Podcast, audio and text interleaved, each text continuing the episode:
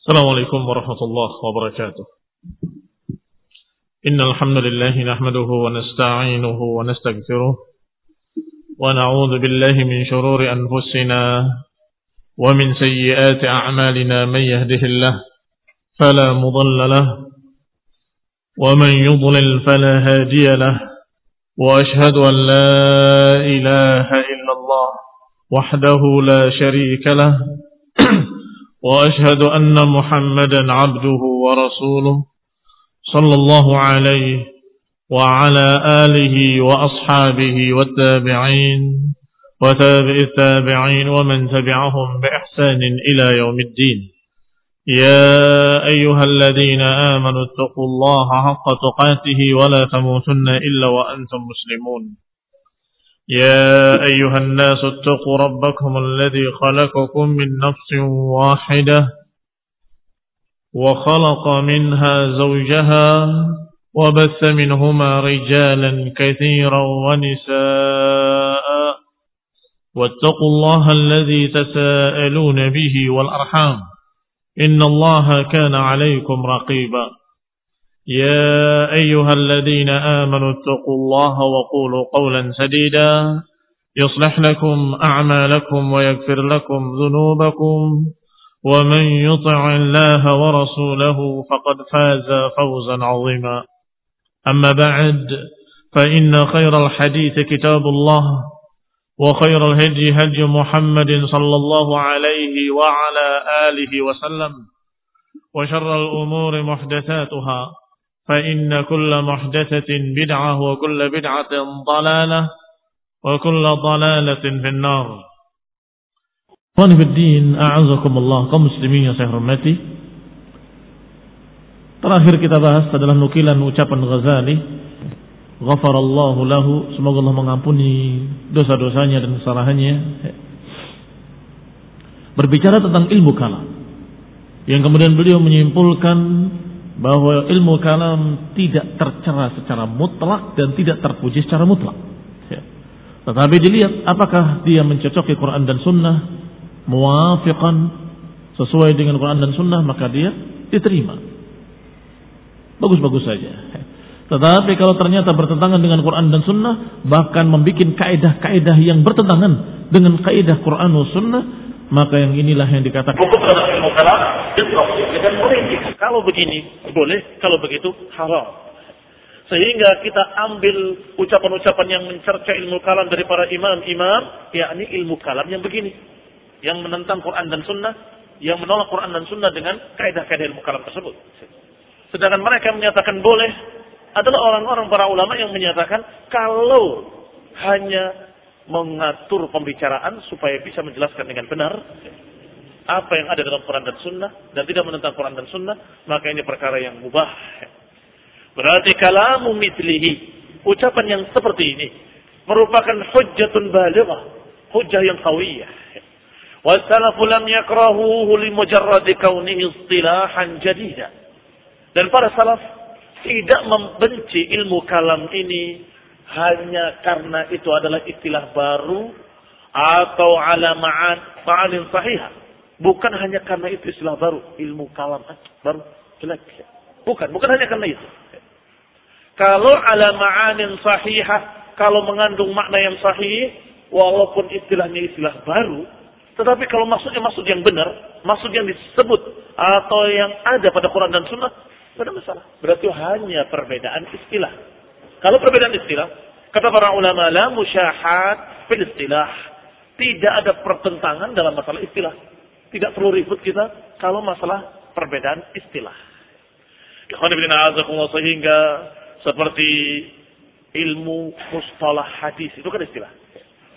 Apakah di zaman sahabat ada? Kata Abu Bakar, saya mau belajar mustalah hadis. Misalnya, ada nggak itu? Tidak. Berarti istilah baru muhdasah, kullu bid'atin kullu muhdatsatin bid'ah wa kullu bid'atin dalalah. Apakah kita katakan seperti itu? Tidak.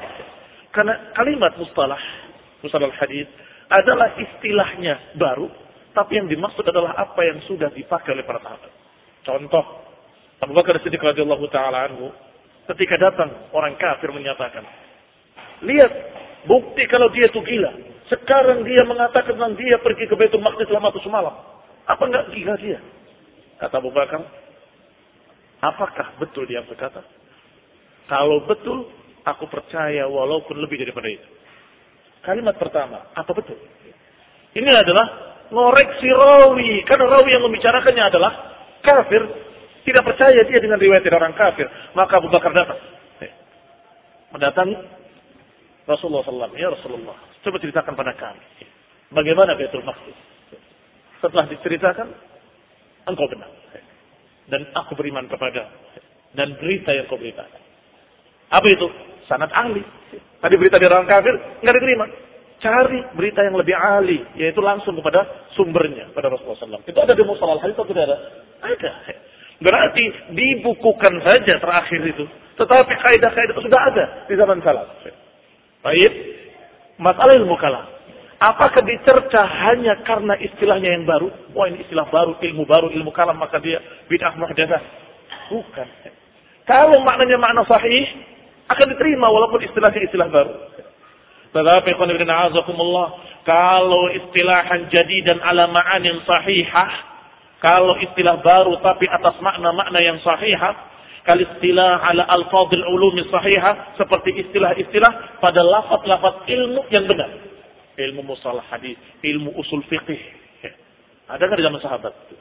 Tidak ada kalau istilah itu nggak ada. Tetapi apa yang dibahasnya ada dalam ucapan para salaf, para sahabat. Radwanullah alaihim ajma'in. Aydan adilala ala al-haqqi wal mahajjah li ahli al-batil dan juga ilmu kalam bukan dicerca karena menunjukkan ilmu itu untuk menerangkan kebenaran dan untuk membantah kebatilan. Bukan dicerca karena itu. Perhatikan ikhwan ibn a'azakumullah. Dengan apa yang kita bahas kemarin berarti para ahlul hadis ketika mencerca ilmu kalam. Bukan karena makna istilahnya saja yang baru.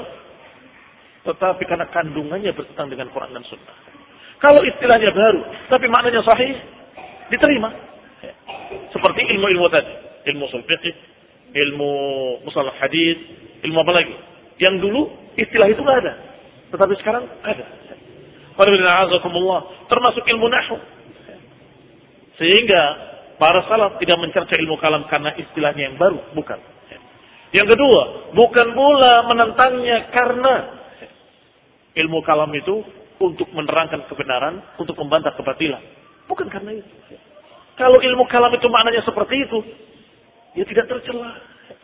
Kalau, kalau ilmu kalam maknanya adalah retorika untuk menyampaikan kebenaran dan untuk membantah kebatilan-kebatilan. Biasanya orang yang pandai menerangkan dan pandai membantah dengan betul-betul hujah-hujah yang kata'iyah. Ini adalah orang yang memang pandai berbicara. Orang yang pandai ilmu kalam. Tapi ilmu kalam dalam artian yang terpuji. Bal karihuhu tetapi para salaf karihuhu listimalihi ala umurin kadhibah.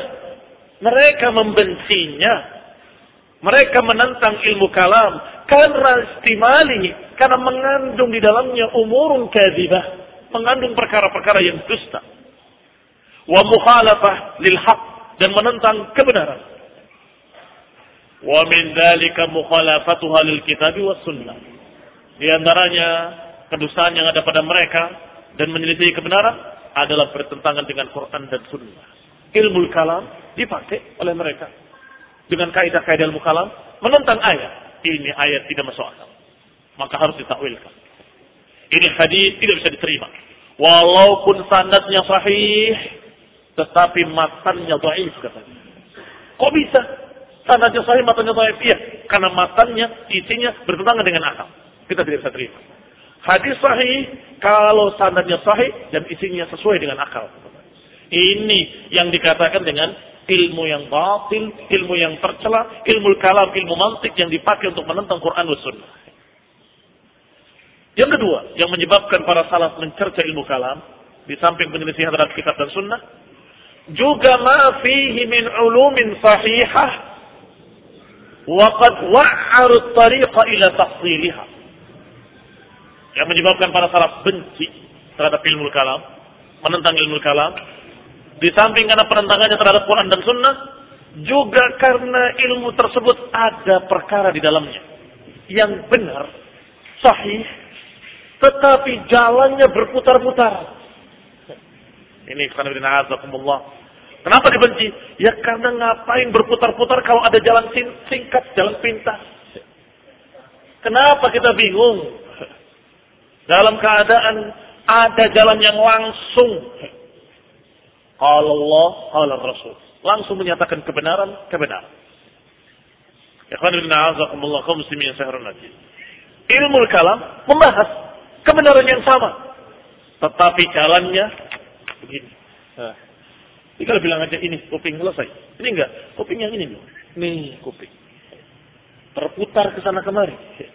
Contoh buku Syekh Nadim Al-Jisr. Nadim Al-Jisr punya buku. Judulnya Kisah Mencari Tuhan. Kebetulan saya pernah baca dulu. Waktu masih belum mengerti itu buku apa. Dan belum mengerti manhaj. Masih demikian keadaannya semua buku dibaca. Itu buku isinya adalah cerita tentang mempelajari alam semesta yang membuktikan tentang keberadaan Allah taala. Sepintas benar. Karena Allah Subhanahu wa taala dalam Quran menyatakan apala yang turuna ilal ibli kaifa khuliqat. Tidakkah kalian melihat unta bagaimana diciptakan? Wa ila samai kaifa rufi'at dan langit bagaimana ditinggikan. Wal jibal kaifa nusibat dan gunung-gunung bagaimana dipancangkan dan bumi kaifa sutihat bagaimana dihamparkan. Ini perintah untuk mempelajari alam semesta untuk menyatakan bahwasanya Allah Maha Pencipta alam semesta dan Allah Subhanahu wa taala khaliqu kulli syai yang pantas untuk kita ibadahi dan kita beribadah kepadanya. Tetapi di buku itu cerita macam-macam contoh dari A sampai Z. Kalau ada sebuah pabrik, pabrik huruf, ini yang harus saya ingat. Pabrik huruf mencetak sekian huruf, tiba-tiba meledak dan berserakan huruf-hurufnya. Di antara huruf itu ada membentuk kalimat, mungkin atau enggak mungkin? Membentuk kata maksudnya. Mungkin. Ya kecil kemungkinan tapi ada. Ternyata ada yang membentuk kalimat sempurna, bukan hanya kata. Si fulan pergi ke sini begitu, atau si fulan dalam keadaan begini. Mungkin apa nggak mungkin? Mungkin tapi kecil sekali kemungkinannya. Baik, kalau ternyata ketika meledak, tersusun kata-kata tadi, huruf-huruf tadi, menjadi satu cerita yang lengkap, selesai berbab-bab. Mungkin? Hampir-hampir tidak mungkin. Demikian keadaan alam semesta. Tersusun dengan rapi satu dengan lainnya terangkai. Tidak mungkin terjadi dengan sendirinya. Pasti ada penciptanya. Contoh kedua. Dia bawakan lagi pabrik jarum. Ini bertele-tele kalau Allah Ta'ala selesai Allah berfirman afala yanzuruna ila al-ibli kayfa khuliqat wa ila as-sama'i kayfa rufi'at wa ila al-jibali kayfa sutihat wa ila al-ardi kayfa sutihat Masya Allah selesai iya ya perlu sampai satu. Mencari Tuhan. Dari awal sampai ada ayat, ada hadis. Tidak ada ayat, nggak ada hadis. Kenapa? Karena menurut dia, kita ingin mengenalkan ketuhanan pada orang yang belum Islam. Jadi kita ajak berpikir dengan akal. Kelamaan. Ya apa yang merupakan teori ringkasnya benar. Tetapi kita jawab, ada jalan yang lebih pintas, lebih ringkas, lebih mudah dan tidak bahaya. Kenapa tidak bahaya? Karena kalau Allah, kalau Rasul. Tapi kalau kamu dengan permisalan-permisalan tadi, pabrik jarum kalau kemudian meledak dan kemudian jarum itu jatuh tertancap dan yang di atasnya jatuh lagi di atas jarum yang satu tadi dengan seimbang. Mungkin kecil kemungkinannya.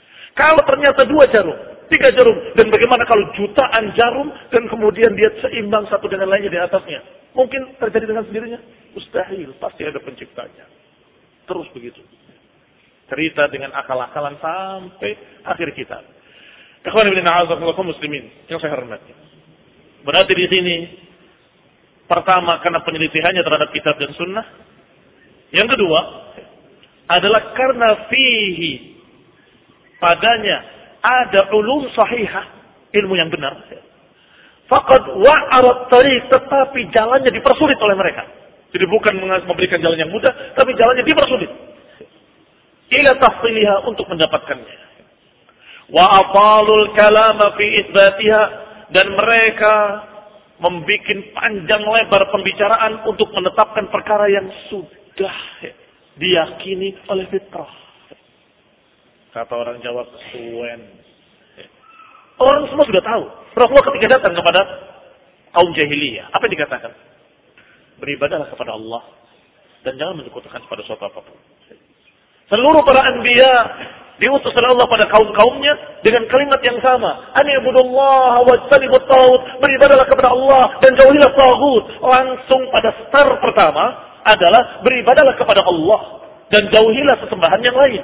Artinya dianggap mereka sudah kenal apa yang namanya Allah, Al-Ma'bud.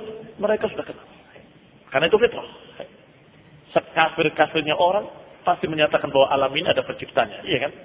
Sehingga jangan itu kepanjangan. Langsung saja beribadahlah pada Allah. Kalau mereka masih ragu, apa itu? Allah. Nggak kenal. Pura-pura nggak kenal.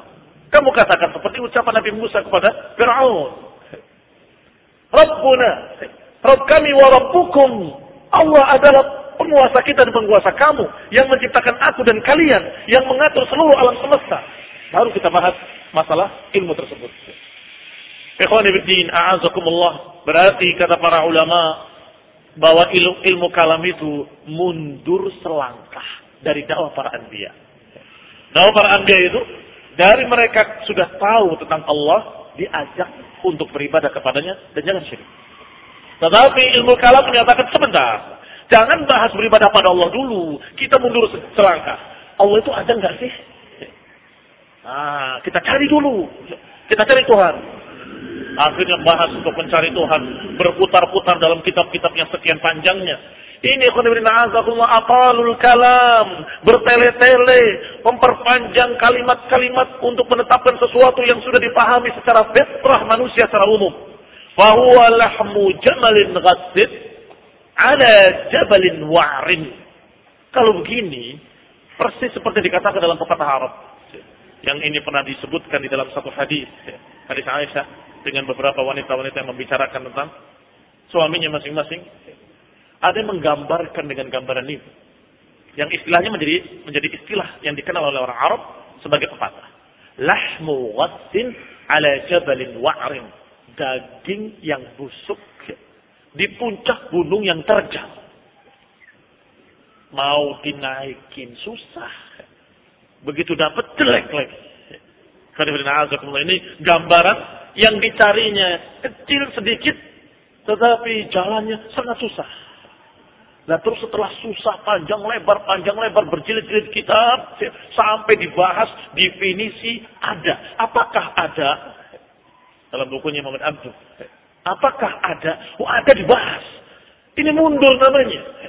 Bukan maju, bukan menyampaikan ilmu, tetapi anak-anak, orang-orang diajak mundur selangkah untuk jangan mempercayai apa yang sudah diyakini secara fitrah, kita berpikir lagi. Suruh ngulang, kelas nol lagi. Apakah ada? Ada adalah satu kalimat yang sudah ada sebelum kalimat ada itu ada. Apa itu maksudnya? Wallahu taala alam. Alhamdulillah kalau buku itu saya jadi baca. Baru halaman pertama apa maksudnya? Halaman kedua tutup nggak pernah baca sampai hari ini. Alhamdulillah rabbil alamin. Padahal judulnya kitabnya tauhid. Ilmu tauhid, kitab tauhid judul Muhammad Abdul. Tapi dibahas dari mulai pertama pembahasan hakikat ada. Berarti dikatakan lahmu jamalin ghasin, daging unta yang jelek. Ala ra'si jabalin wa'rin, di puncak gunung yang terjal terjal. La sahlun fayurtaqa, wala saminun fayuntaqa. Tidak gampang untuk dinaiki dan tidak pula bagus dagingnya untuk dinikmati. Wa asan ma indahum fahuwa fil Qur'ani asahu taqriran.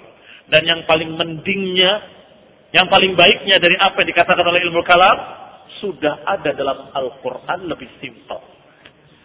Yang paling bagusnya dari mereka, dari ajaran dan prinsip-prinsip mereka itu, yang paling ringan, yang paling bagusnya, sudah ada dalam Al-Quran lebih bagus. Lebih simple. Wa ahsana tafsiran. Asahu takriran. lebih sahih, lebih tepat pengungkapannya dan ahsan tafsiran dan lebih bagus tafsirnya. Falaisa indahum illa takalluf wa tatwil. Berarti tidaklah ahlul kalam membahas tadi kecuali hanya takalluf wa tatwil. Takalluf memberat-beratkan diri, tatwil bertele-tele. Padahal sudah ada dalam Al-Quran. Ngapain wahai Nadim al-Jisr? Ngapain bikin buku setebal itu hanya berbicara masalah itu? Kesimpulannya belum kesimpulan la ilaha illallah belum. Sampai akhir kitab itu berarti Allah pencipta alam semesta titik. Lihat kebian kalau kata orang Jawa Timur. Dari dulu udah tahu kalau itu. Kok sampai panjang lebar ke sana kemari. Ternyata kesimpulannya yang sudah kita tahu sejak kecil. Bahwa pencipta langit dan bumi. Laula tanafus kama qal. Sebagaimana dikatakan. Laula tanafus fi dunya lama wudi'at kutubut tanadur. Lal mughni walal umudu. Kalau saja bukan karena cari dunia, kalau saja bukan karena perlombaan, persaingan cari dunia, niscaya nggak akan ditulis buku-buku filsafat. Nggak akan ditulis buku-buku ilmu kalam. Nggak akan, akan ditulis al-mudi walal umud. Apa maknanya? Maknanya mereka menulis buku-buku tadi hanya urusannya cari dunia. Supaya bukunya laku, kemudian dapat untung. Selesai. Sebab kalau dikatakan, oh ini bisa menambah ilmu. Ilmu yang mana? Bukan mengetahui bahwa Allah pencipta. Saya belum baca buku itu sudah tahu. Kalau Allah pencipta langit dan bumi. Iya toh? Kamu tanyakan semua masyarakat awam. Yang awam-awam belum pernah baca buku itu, belum pernah ngaji. Tanya siapa pencipta langit dan bumi. Agama apa pun akan menyatakan Tuhan. Sebagian mereka menyatakan Allah. Sebagian mereka menyatakan Allah. Kaum muslimin menyatakan Allah. Selesai. Ini dibahas panjang lebar, panjang lebar, dijual bukunya dengan mahal. jelas kata penyair tadi, laulat tanafus fid dunya. Kalau bukan karena perlombaan cari dunia, niscaya mereka nggak akan menulis buku-buku seperti itu. Yuhalliluna bizamihim minhum aqdan. Wabilladhi wada'uhu zadatil aqdu. Zadatil uqadu. Mereka melepaskan kata mereka. Bizamihim, yani kata mereka kata mereka tetapi secara batil. Ini kalimat za'ama. Kalimat za'ama itu mengaku-ngaku tapi dengan dusta. Yuhalliluna bizamihim. Mereka melepas kata mereka dengan dusta, melepas minhum aqdan, melepas kesulitan-kesulitan, melepaskan berbagai macam simpulan-simpulan kata mereka. Wabilladhi wada'uhu zadatil uqadu. Padahal dengan apa yang mereka tulis semakin ruwet simpulannya. Iya Pak ya? Iya perkara yang sederhana dibahas jadi rumit. Ya contohnya kalimat ada tadi dibahas hakikat ada. Kalimat ada adalah kalimat yang terus dibahas. Ini namanya membuat kata-kata yang jelas jadi gak jelas. Yang tadinya kita sudah paham ini ada ini nggak ada. Sudah paham. Tetapi ketika dibahas oleh mereka zadatil uqadu bertambah kuat simpulannya. Katanya ini buku yang akan melepaskan berbagai macam simpulan-simpulan dan kesulitan-kesulitan. Ternyata ketika dibaca, menambah rumit, menambah keras atau kuat simpulan-simpulannya. Qala dikatakan fahum yaz'umuna annahum yadfa'una billati wada'uhu asy-syubah. Mereka mengaku-ngaku pakai kalimat za'ama lagi. Maknanya mengaku-ngaku dengan batil. Fahum yaz'umuna annahum yadfa'una billati wada'uhu asy-syubah mereka mengaku-ngaku bahwa mereka menolak dengan apa yang mereka tulis dengan apa yang mereka susun dengan kaidah-kaidah yang mereka gariskan. Kata mereka menolak subhat-subhat membantah keraguan-keraguan katanya. Wal fadil az-zaki ya'lam. Adapun orang yang memiliki keutamaan dan kecerdasan tahu anna syubah wa syukuk zadat. Orang yang cerdas, orang yang fadil akan tahu dengan bahasa-bahasa mereka, dengan ilmu mantik, ilmu kalam mereka, justru zadat bidzalik syubah wa syukuk. Justru bertambah ragu, bertambah bingung, bertambah syubhat, bertambah samar. Tidak menyelesaikan sama sekali. Ikhwani fiddin, a'azakumullah kaum muslimin yang saya hormati. Ada yang membahas takdir. Alhamdulillah Minat dalal kita berlindung kepada Allah dari kesesatan. Membahas takdir bukan dengan kalau Allah kalau Rasul. Sangat mengerikan. Semuanya dengan bahasa tadi. Bukankah, bukankah, bukankah. Coba kalau kita di pabrik. Pabrik lagi. Subhanallah. Bukunya kecil, tipis. Katanya, kalau kita di suatu pabrik, maka bos-bos itu tahu. Pimpinan pabrik itu bahwa jam sekian mereka akan berhenti bekerja. Jam sekian mereka akan kembali bekerja. Kemudian nanti setelah ini akan hasilnya sekian. Dan kemudian akan begini, akan itu sudah diprediksikan semua. Nah, itu takdir. Oh, aneh banget. Sangat berbeda kalau Allah Subhanahu wa taala mengetahui dengan pasti dan semua apa yang belum terjadi. Kalau orang tadi hanya menebak, apakah kejadiannya benar seperti apa diketahui oleh bos tadi? Oh nanti akan istirahat akan ternyata ada yang tanggung, eh, istilahnya tanggung. Sudah istirahat masih kerja terus. Ada apa nggak ada? Ada. Salah dia. Kalau selalu mereka memberikan pendekatan-pendekatan akal yang tadinya jelas jadi tidak jelas nyontohkan dari satu sisi mungkin tepat, sisi lain tidak tepat. Allah menyontohkan dengan akal itu begitu bahayanya. Satu sisi mirip, ya kayaknya benar sampai sisi itu. Artinya sudah tahu. Tetapi kalau Allah lebih tahu dari orang tadi, maka detail dengan rinci dan sebagainya. Tapi sisi lain, apakah kemudian orang tadi menyimpulkan pendengar-pendengarnya mengambil yang sisi yang kamu maksud? Bisa jadi mengambil sisi lain. Oh, berarti yang namanya takdir itu hanya tebakan. Astagfirullahaladzim. La ilaha illallah, subhanallah ya ma yaqulun. Maha suci Allah dari apa yang mereka katakan.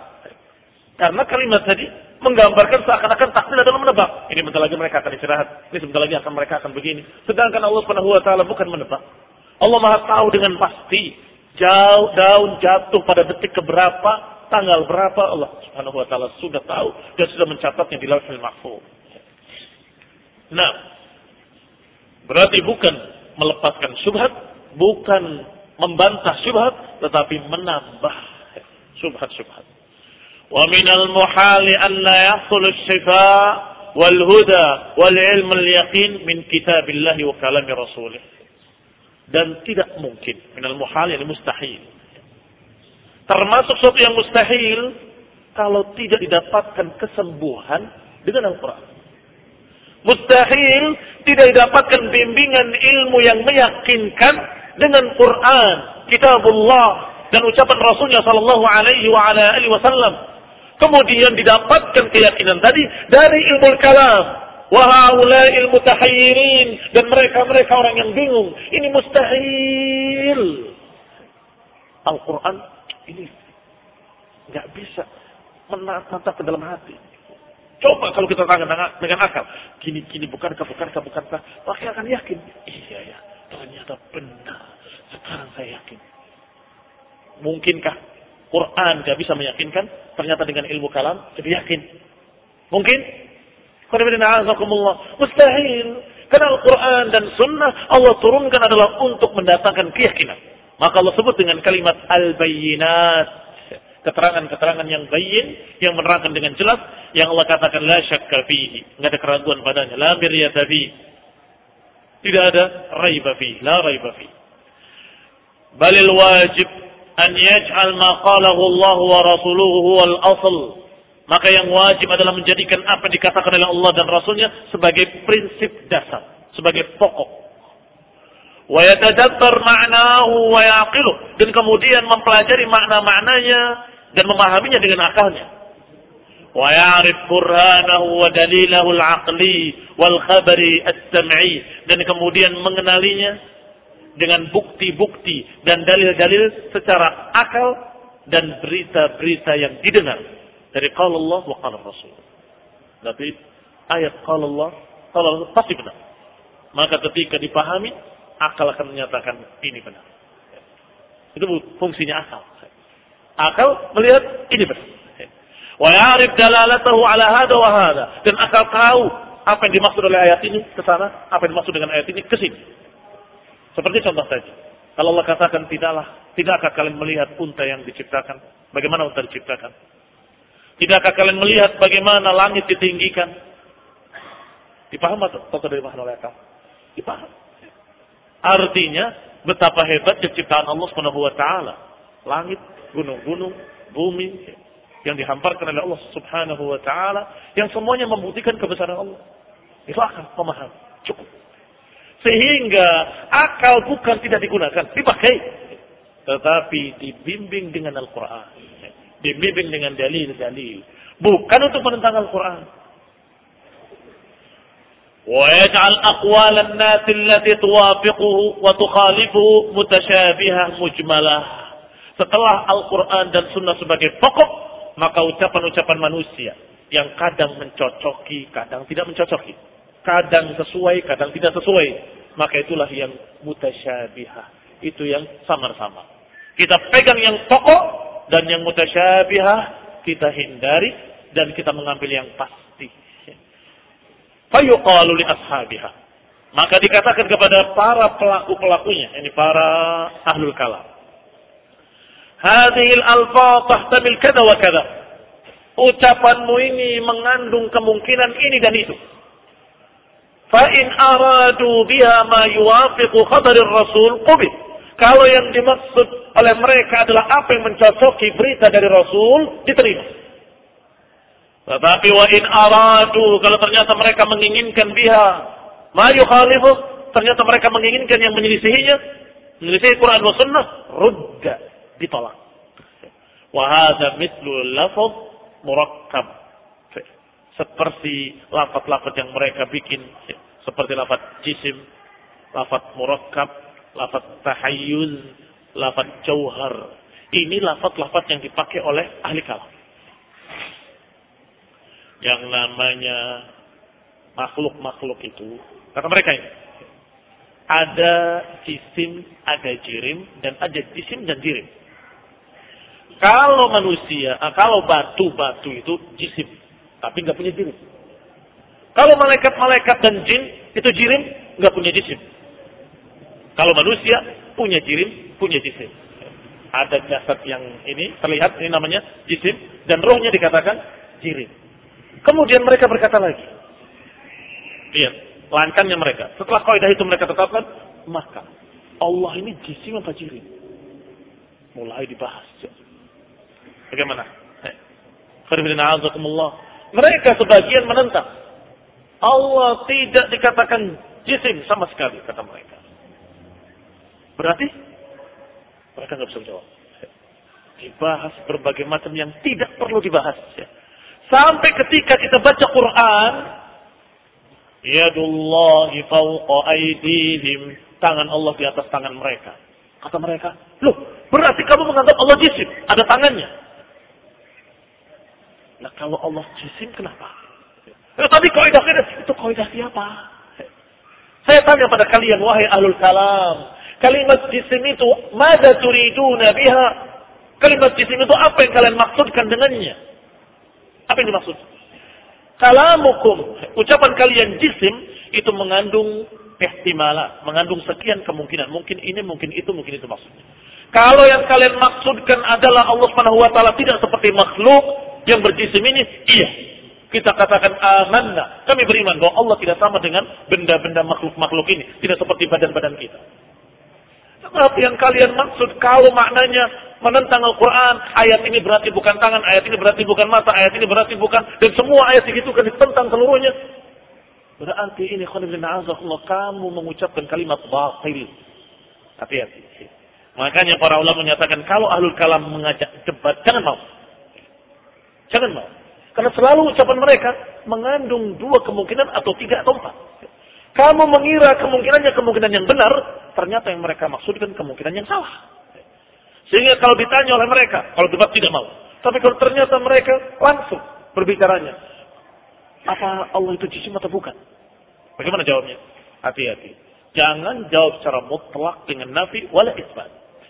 Jangan ditetapkan dengan mutlak.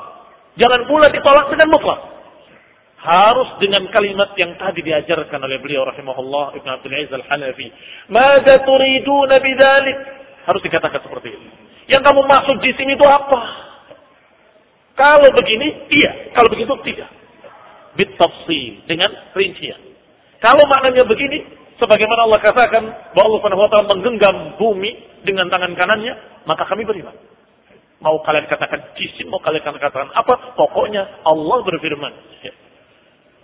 Bahwa samawat matwiyatun biyamini. Digenggam dengan tangan kanan Allah Subhanahu wa taala. Awal ardu qabdatuhu biyamini. Bumi digenggam dengan tangan kanannya dan langit digulung oleh Allah Subhanahu wa taala dengan tangan lainnya. Ini Al-Quran kita terima. Kalau jisim itu maksudnya itu, iya. Tapi kalau kalian anggap di situ maksudnya seperti makhluk, tidak. Allah tidak sama dengan makhluknya. Tangannya tidak sama dengan tangan makhluknya. Maka tentunya apa yang dilakukannya dari af'alnya, menggenggam dan sebagainya tidak sama pula dengan yang ada pada makhluknya. Ikhwan yang saya hormati. Demikian. Contoh lainnya kalimat murakkab, tersusun. Ya, ini bukan zat yang apa istilah mereka? Wungkul satu kesatuan utuh atau yang tersusun dari ini, ini dan ini dan itu. Dibahas oleh mereka. Bagaimana kita menjawabnya? Menerima atau tidak menerima? Murakab atau gair murakab? Astagfirullahaladzim. Kalian berbicara tentang Allah dengan istilah yang kalian bikin. Kalian bikin istilah itu tentang makhluk. Maka pakai untuk makhluk. Jangan dipakai untuk mengukur Allah subhanahu wa ta'ala. Kalau kalian bertanya tentang Allah murakab atau gair murakab, katakan. Fihi tafsir. Apa yang kalian maksud dengan takib? Kalau yang kalian maksud begini, begini, begini seperti makhluk, tidak. Tetapi kalau maksudnya Allah Subhanahu wa taala memiliki tangan, memiliki ini memiliki itu sesuai dengan apa yang dikatakan dalam Quran wa sunnah, aman nabi karena disebutkan dalam Quran. Harus dengan tafsir. Jangan menolak dengan secara keseluruhan, jangan menerima secara keseluruhan. Karena mereka adalah orang-orang yang memang ahli ngomong. Sehingga pakai kalimat yang menipu. Dikira maknanya ke sana, padahal maksudnya ke sini. Demikian pula tahayyuz wal jauhar. Taufiq wal afiyah. سبحانك اللهم بحمدك أشهد أن لا إله إلا أنت أستغفرك وأتوب إليك. والسلام عليكم ورحمة الله وبركاته.